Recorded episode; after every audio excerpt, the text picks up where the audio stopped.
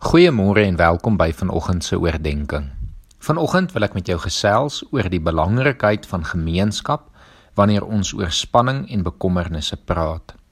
Om saam met iemand in die moeilikheid te wees was nog altyd beter as wanneer jy alleen is. Ek glo meeste mense sou dit al in hulle lewens ervaar het.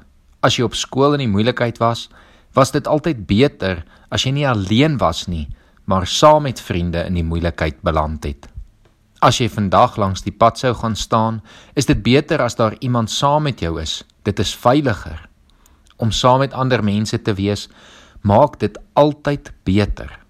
Nie net vir die praktiese redes dat daar meer mense is wat aan planne kan dink of kan help nie, maar dit laat ons beter voel as ons weet ons is nie alleen nie.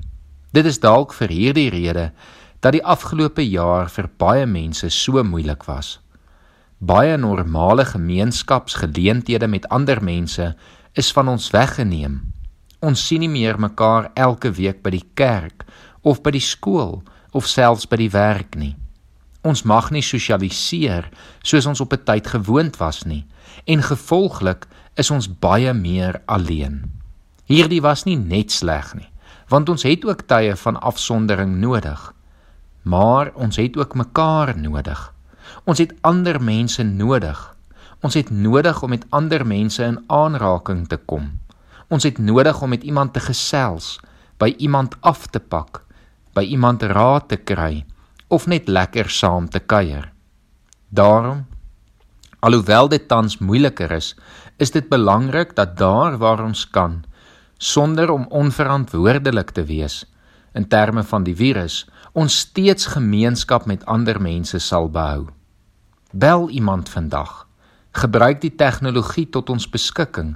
Maak 'n video-kol en indien moontlik, waar jy steeds verantwoordelik kan wees, gaan drink saam koffie of gaan eet saam. Gesels oor die lewe, gesels oor jou bekommernisse. Vra raad, bid saam, bid vir mekaar en ondersteun mekaar. Die Bybel en veral die Nuwe Testamentiese briewe is vol tekste wat gelowiges aanmoedig om in gemeenskap met ander gelowiges te leef en mekaar te versorg. Ek lees vanoggend 'n paar voorbeelde vir ons voor. Romeine 12 vers 10 sê: Betoon hartlike broederliefde teenoor mekaar.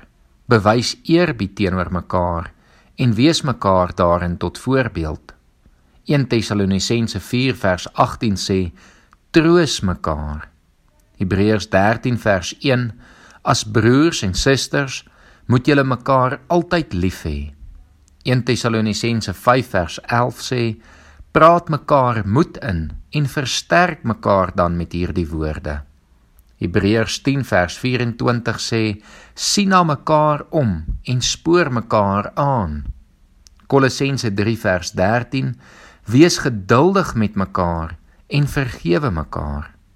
1 Petrus 4 vers 9 Wees gasvry teenoor mekaar sonder om te kla. Efesiërs 4 vers 32 Wees goedgesind en hartlik teenoor mekaar. Handelinge 2 vers 44 Al die gelowiges was eensgesind en het alles met mekaar gedeel. Galasiërs 6 vers 2 sê dra mekaar se laste. 1 Petrus 5 vers 5 sê almal moet teenoor mekaar nederig wees en mekaar help. En daarmee saam vers 22 julle moet mekaar ongeveins vurig en van harte lief hê. Kom ons doen ons bes om in gemeenskap met ons medegelowiges mekaar se laste te dra mekaar te ondersteun en vir mekaar om te gee en te sorg in hierdie tyd wat ons almal dit so nodig het Kom ons bid saam. Here, dankie dat U medegelowiges vir ons gegee het. Here dat ons mekaar kan help, mekaar kan versorg en daar vir mekaar kan wees. Dankie dat ons gemeenskap met mekaar kan hê. Here, die laaste jaar is baie daarvan van ons weggeneem. En tot en met vandag is dit nog steeds moeilik met al ons reëls en regulasies om doeltreffend by almal uit te kan kom. Maar Here, ons kom vra dat U ons sal help en sal lei deur die Gees om nog steeds daar waar ons kan in gemeenskap met medegelowiges te leef en so ook ons bekommernisse en ons vrese met mekaar te kan deel deur saam te bid en mekaar te ondersteun. Ons loof U dat ons mekaar nog steeds het en ons dank U vir al die liefde.